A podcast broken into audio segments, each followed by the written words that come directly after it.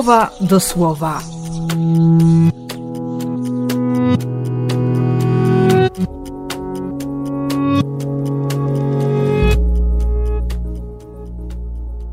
Dwudziesty piąty sierpnia, piątek.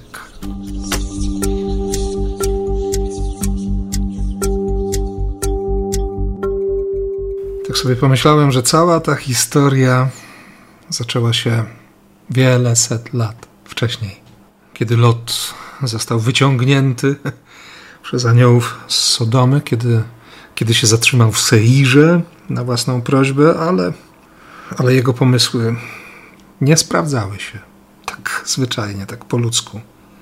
I kiedy jego córki wpadły na pomysł, że, że będą miały dzieci ze swoim ojcem, bo przecież jak to?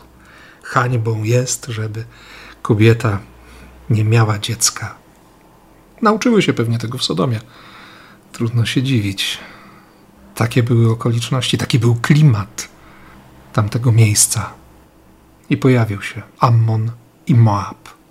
I Biblia mówi o przekleństwie, o tym, że, że nawet cudzoziemiec będzie mógł być przyjęty do narodu wybranego po spełnieniu pewnych warunków, daniu oznak wiary w jedynego Boga i, i tym okresie próbnym, ale, ale ta obietnica, ta możliwość nie dotyczy Ammonitów i Moabitów. A Elimelek razem ze swoją żoną i synami ucieka właśnie do krainy Moabu. Pierwsze świętokradztwo. Niektóre powieści żydowskie mówią, że, że ten, którego imię oznacza Bóg jest królem, władcą jest Pan. Nie miał zamiaru troszczyć się, choć takie było jego zadanie w Betlejem. Był bezradny wobec głodu, który nadszedł i uciekł. Zabrał swoją rodzinę i uciekł w grzech, w śmierć. Więc nie pożył długo w krainie Moabu. Potem ci dwaj jego synowie o strasznych imionach dodali grzech do grzechu. Wzięli sobie za żonę Moabitki i też doświadczyli śmierci. Bo jak żyć z takim przekleństwem, nie? I ta, która jest słodyczą, będzie się za chwilę kazała nazywać gorycz, Mara, już nie Noemi.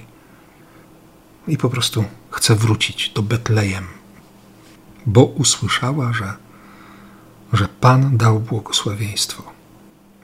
Orpa, złamany kark, zostaje w Moabie, Rut idzie. Gdzie ty pójdziesz, tam ja. Gdzie ty zamieszkasz, tam ja. Twój naród, mój naród. Twój Bóg, mój Bóg. Zostawię wszystko i wbrew przekleństwu, wbrew beznadziei, pójdę. Jakby nowa historia Abrama. Wbrew nadziei. No i wiemy dobrze, jak się to wszystko skończyło. Że się ród pojawia w genealogii Jezusa. Tego Jezusa, który dzisiaj jest pytany przez jednego z uczonych w prawie. Dowiedzieli się faryzeusze. Zresztą byli świadkami tej rozmowy z saduceuszami, tego wymyślonego problemu. Prawo lewiratu, siedmiu mężów. Jakie zmartwychwstanie? A Jezus na to nic nie rozumiecie, kompletnie nic nie rozumiecie. Więc jeden z uczonych w piśmie chce się upewnić. Po, powiedz, kim jesteś, co jest dla ciebie najważniejsze. Chcę wiedzieć. Mamy ze sobą coś wspólnego? A Jezus w kontekście tego pierwszego czytania, dla nas dziś w liturgii, mówi: Dla Boga najważniejsze jest kochać. Nie tylko prawo, nie tyle prawo, co miłość. Słuchaj, będziesz kochał i zobaczysz obietnicę, i doświadczysz, przekonasz się, będziesz żył w spełnionej obietnicy, tam gdzie nic nie sugerowało sensu nadziei, bo miłość możesz chwycić. Jeśli będziesz ją trzymać tak mocno, to, to nie spadniesz w przepaść. Miłość cię uratuje.